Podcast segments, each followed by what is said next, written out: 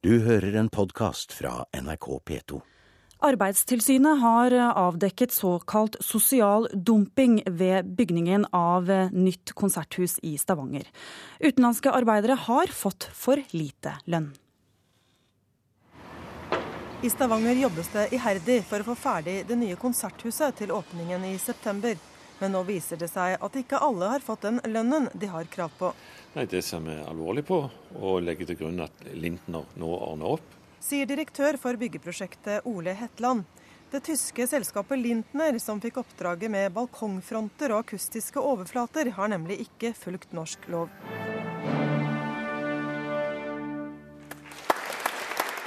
Publikum på testkonsertene har opplevd en storslått sal, men de om lag 30 østeuropeiske arbeiderne som monterte de buede balkongfrontene i Lønnetre, fikk bare 120 kroner timen.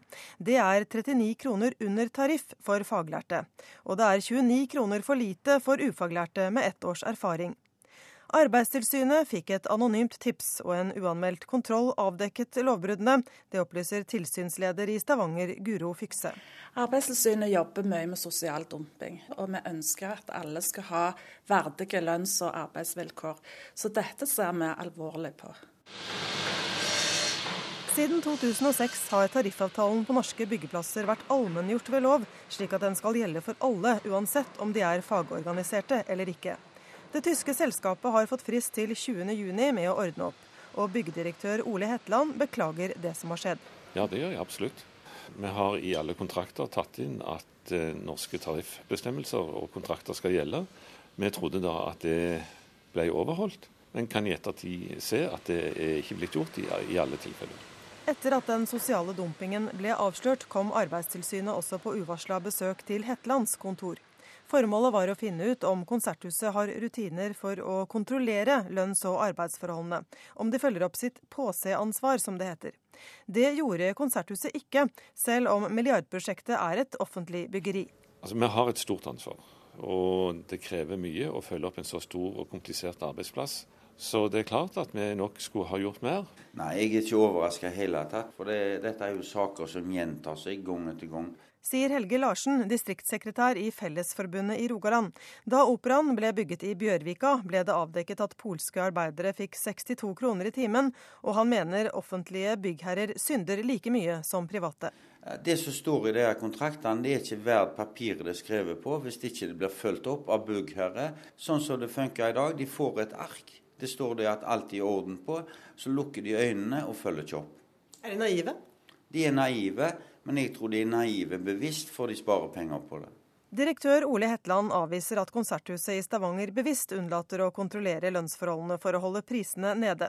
Nå holdes utbetalingene til Lintner igjen inntil lønnskravene er innfridd, og rutinene for kontroll er skjerpet, sier Hetland. Vi har sendt brev til de det gjelder, og noen har vi kontrollert. Og vi har all grunn til å tro at det nå er i orden. Arbeidstilsynet har hatt flere tilsyn ved Konserthuset, og tror det handler om et engangstilfelle. Men Helge Larsen i Fellesforbundet mener dette viser at fagforeningene i eierkommunene må sterkere på banen i de store offentlige byggeprosjektene. Hvis ikke vi har vaktbikkja, da er vi i ferd med å tape kampen. Vi er nødt til å få systemer der vi har folk som følger opp så store prestisjeprosjekter som Konserthuset i Stavanger er. Det har etter en rekke henvendelser ikke lyktes NRK å komme i kontakt med det tyske byggfirmaet Lindner. Reporter her var Anette Johansen Espeland.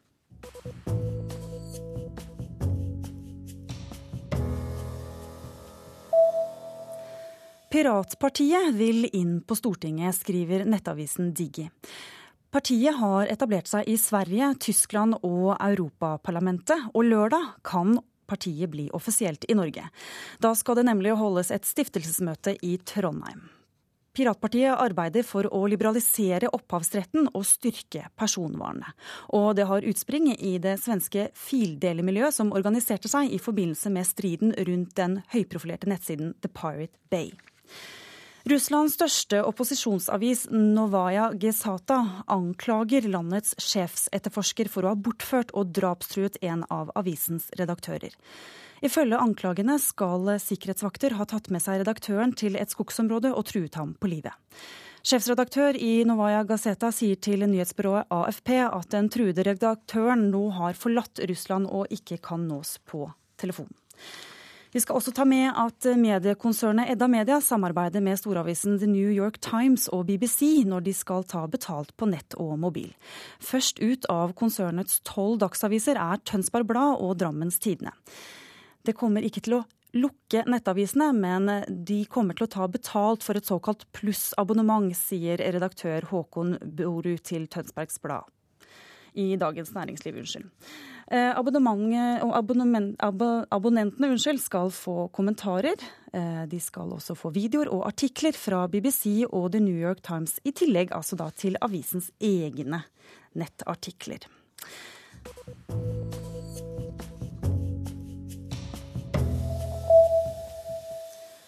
I dag skal den britiske statsministeren vitne i høringene som pågår om etikken i britisk presse. David Camerons regjeringskolleger og andre tidligere toppolitikere har måttet svare for sine forbindelser til avismogulen Rubert Murdochs medieimperium tidligere denne uka. Og korrespondent Gry Blekastad Almås, hva er det ventet at Cameron blir spurt om? Et av spørsmålene blir jo hvorfor han ansatte akkurat Andy Colson som sin kommunikasjonssjef. Colson hadde på det tidspunktet han ble ansatt gått av som redaktør for News of the World pga. den da gryende avlyttingsskandalen. Og Hvorfor så Cameron og det konservative partiet det som hensiktsmessig å ha en sånn person med på laget? Um, var det kanskje fordi det var kjekt å ha en mann inn i Murdochs system?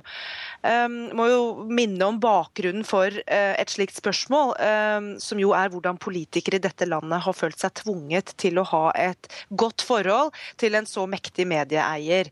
Fordi negativ omtale i Murdochs aviser er blitt sett på som eh, ødeleggende for enhver politisk karriere. Vi har denne uka hørt hvordan både tidligere statsministre Gordon Brown og John Major følte seg presset av eh, Murdoch. John Major fortalte at Murdoch hadde truet med å trekke avisenes støtte av det konservative partiet hvis ikke partiet endret sin EU-politikk. Det sa Major at eh, de ikke ville gjøre. Politikken ble ikke endret. Eh, Murdoch-avisene endret dermed sin støtte eh, til å da i stedet støtte Tony Blair og Labour.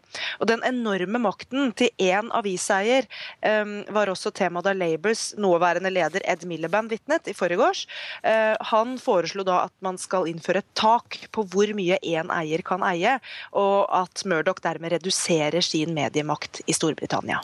Men det er ikke bare Murdoch som risikerer å miste makt. Her har også Camerons kulturminister vært i hardt vær.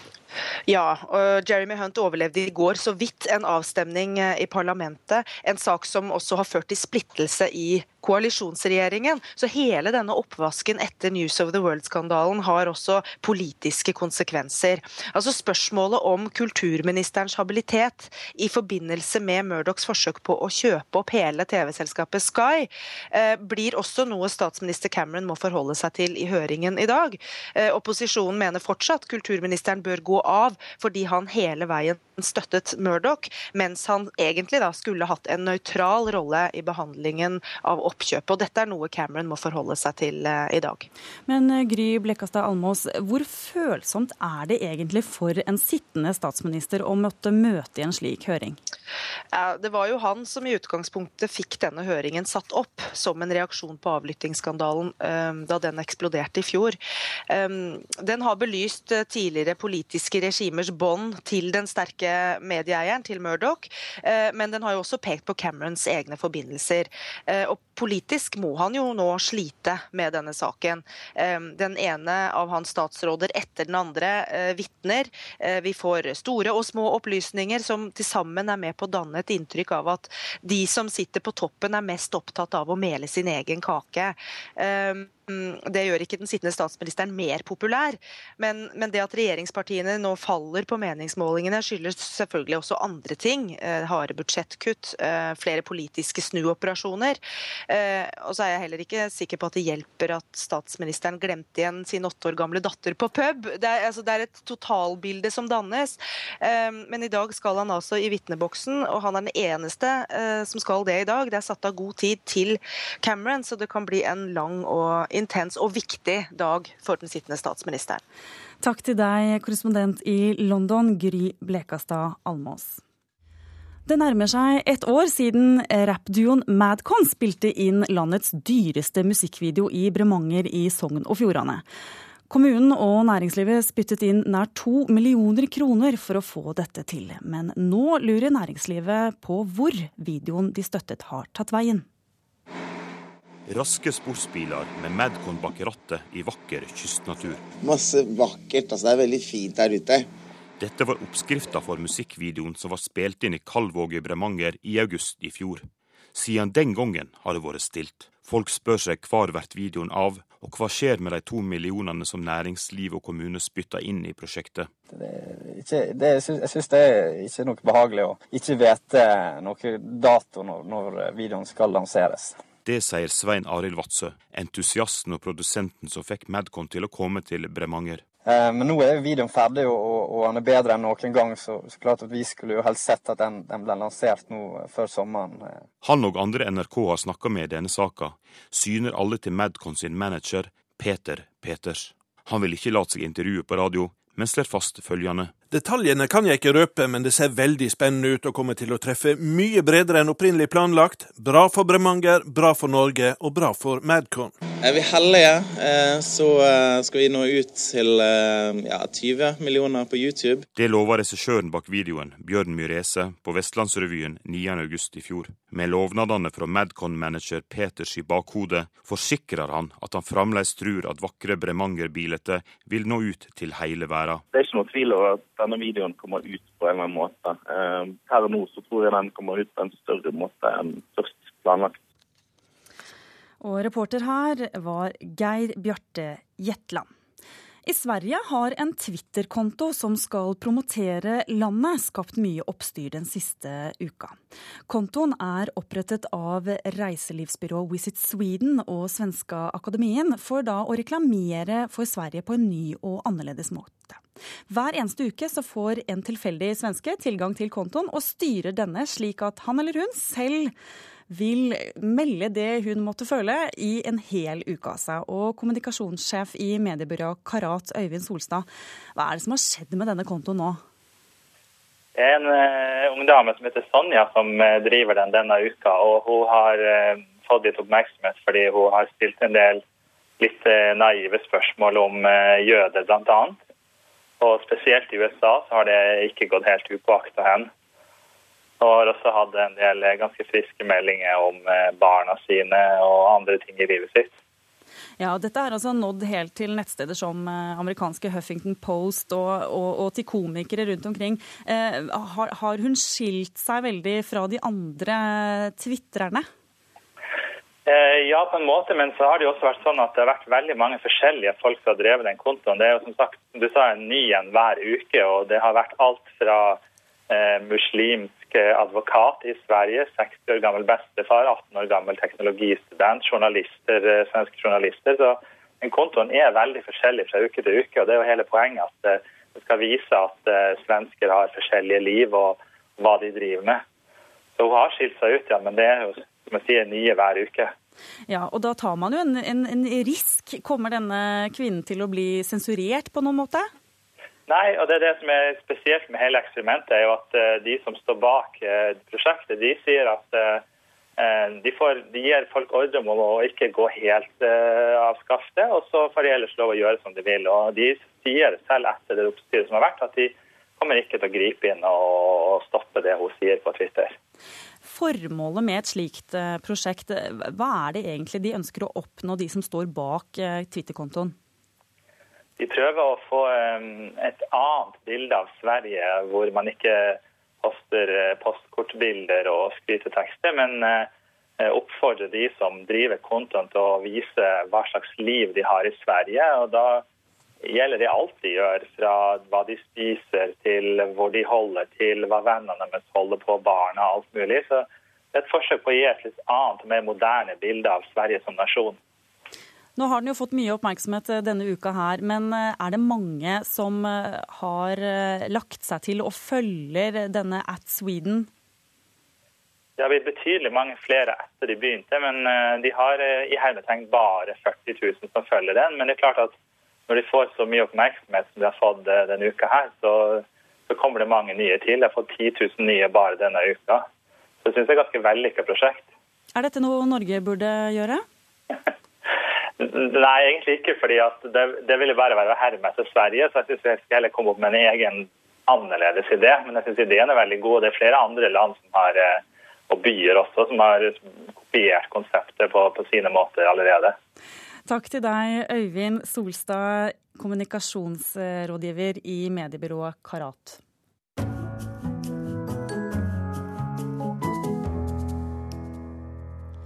Weekend kommer på en del kinoer denne helgen. Den britiske filmen har fått mye oppmerksomhet fordi den skildrer forelskelse mellom to menn. Men den er både slitsom og snakksalig, mener vår anmelder Einar Gullvåg Stollesen. Weekend er en film om homser. I England er den sikkert politisk korrekt. Hos oss er den ikke helt oppdatert.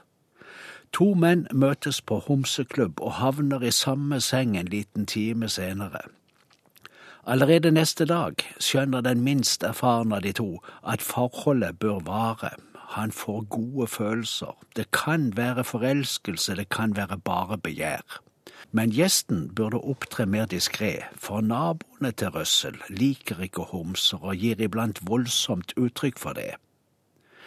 Det er de folkelige omgivelsene som ikke virker oppdatert. Den utadvendte homsens væremåte er prangende og kanskje fortidig, den også.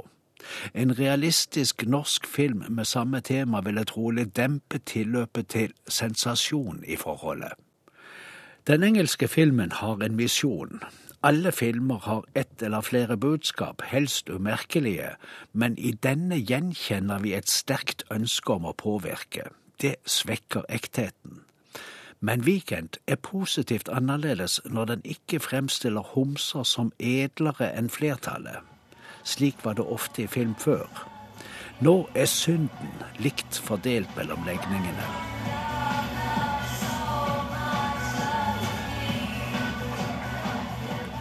Filmen Weekend sier at terskelen for å hoppe til sengs med nye bekjentskaper er lavere hos homser. Okay, do it again.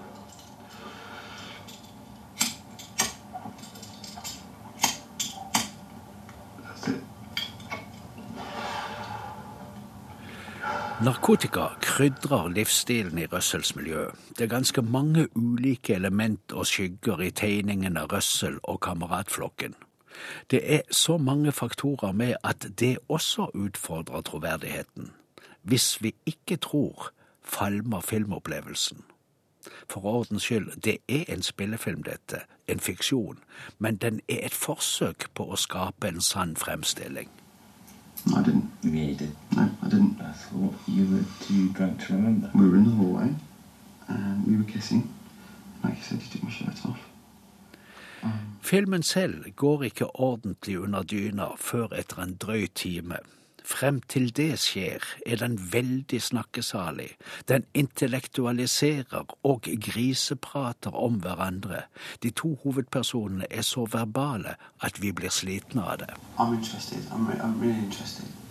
So what are you going to do? Are you, are you just going to play the recordings out loud? Or are you going to no one's going to come see it because Skuespillerne er Tom Cullen fra Wales og Chris New fra England. De er begge blitt travlere mennesker etter at Weekend kom, enn de var før. Det er begripelig, for de er svært gode. De virker ekte. Regissøren heter Andrew Haig. Jeg tror han oppleves som modig på sin hjemmebane. Det sa Einar Gullvåg Staalesen, og regissøren av filmen Weekend Andrew Hay, han kommer til Kulturnytt i ettermiddag. Ukjente bilder av den unge Kjell Aukrust blir tilgjengelig for publikum. Da Kjell Aukrust flyttet hjem til Alvdal under den andre verdenskrig, livnærte han seg på å reise rundt i traktene og male. Nesten alle bildene ble solgt til private, og nå skal de for første gang stilles ut. Navnet ditt her, du. Ja. Vi er på vei ned i bankhvelvet i Alvdal. Det er mange låser og dører som skal åpnes. Skal bare hente en nøkkel her. Gunn Strømsøyen Vamstad låser oss inn i det aller helligste. inn her. Nå er vi i det gamle hvelvet i Sparebanken. Her har vi magasin. Og her oppbevarer vi kunsten. De siste månedene har hun farta land og strand rundt og lekt detektiv og jakta på rundt 30 bilder som Kjell Aukrust malte som ung. Bilder. Aukrust-senteret ikke ante fantes. Nei, vi visste jo ikke det. Vi visste litt, men eh, vi visste ikke at det var så mye. Under andre verdenskrig flytta Kjell Aukrust hjem til Alvdal. Der reiste han mye rundt i traktene og malte. Jeg hadde fått av bestemor. De maleriene som han målte da, de solgte han omtrent alt sammen, tror jeg. For, å tjene penger? Ja, sjølsagt var det det. Nå skal de bildene Kjell Aukrust malte som ung, stilles ut for første gang. Den blir veldig spesiell på den måten at vi har samla veldig mange malerier fra den tidlige perioden hans. Malerier som folk ikke har sett. Eh, De har ikke vært vist fram samla tidligere, for som sagt så solgte han han solgte rubbel og hvit, tror jeg. Siden det under krigen var knapphet på de fleste varer, også lerret, malte Aukrust på det han fant. Han malte på i hovedsak hundtonittplater. Eh, stort sett det. Og så har han malt på finerplater. Og vi har ett maleri som vi har fått låne der han har malt på baksida av et spill. Den unge Aukrust forgrep seg også på andres malerier, og malte rett og slett over. Men her han måler over et bilde som hang på storstein. Det var fristende å måle på et lerret. Kjell sa sjøl at det ble et rabalder uten like da far hans oppdaga at han hadde malt over det store maleriet fra Sørlandet. Men to år senere var det dette bildet, 'Barna i skogen', han debuterte med på Høstutstillingen i 1945. Men tilbake til hvelvet i Sparebanken. Dette er bilder vi har lånt. Her er skisse til altertavle i Solia kirke. Det er dette bildet. Ja, her tror jeg det er et fra Lom eller Bøverdalen. Det er litt brattere fjell enn i Østerdalen, ser du. Og så er det et stabbur i forgrunnen her. Mens den eldre Kjell Aukrust malte mer abstrakt, var de første bildene hans fra naturen i Østerdalen og i Lom i Gudbrandsdalen. Det måler han jo veldig lite av eh, i den senere perioden sin. Så her er det fra Alvdal, det er fra Nord-Østerdalen, det er fra Røros, det er fra Lom og Bøverdalen. Eh, altså områder som var kjente for en Kjell. da. Han vokste jo opp på Storstein landbruksskole. Eh, Og hadde hemmen der som base når han eh, for rundt i området her og målet, og i Lom der, der farsslekta kom ifra. Hvorfor vil dere ha en maleriutstilling med den unge Kjell Aukrust? Ja, jeg syns det er en eh, veldig stor begivenhet, for det er jo bilder som folk flest aldri har sett før. Fem år gammel spurte far min om det var farlig å skjære oss i huet. Ja, du kan da skjønne det, gutt, sa far. Ja, men far, hvorfor er det farlig å skjære oss i huet? Da så far min ned på meg og sa Mor og jeg har ofte lurt litt på Davy Kjell, sa han. Og Aukrust-utstillinga i Alvdal åpner 23.6 og er åpen til oktober. Reporter var Stein S. Eide. Kulturnytt er eh, over for i dag. Produsent for sendinga var Andrea Komme Hagen. Teknikken hadde Hanne Lunås kontroll på. Ragna Nordenborg satt her i studio. Du har hørt en podkast fra NRK P2.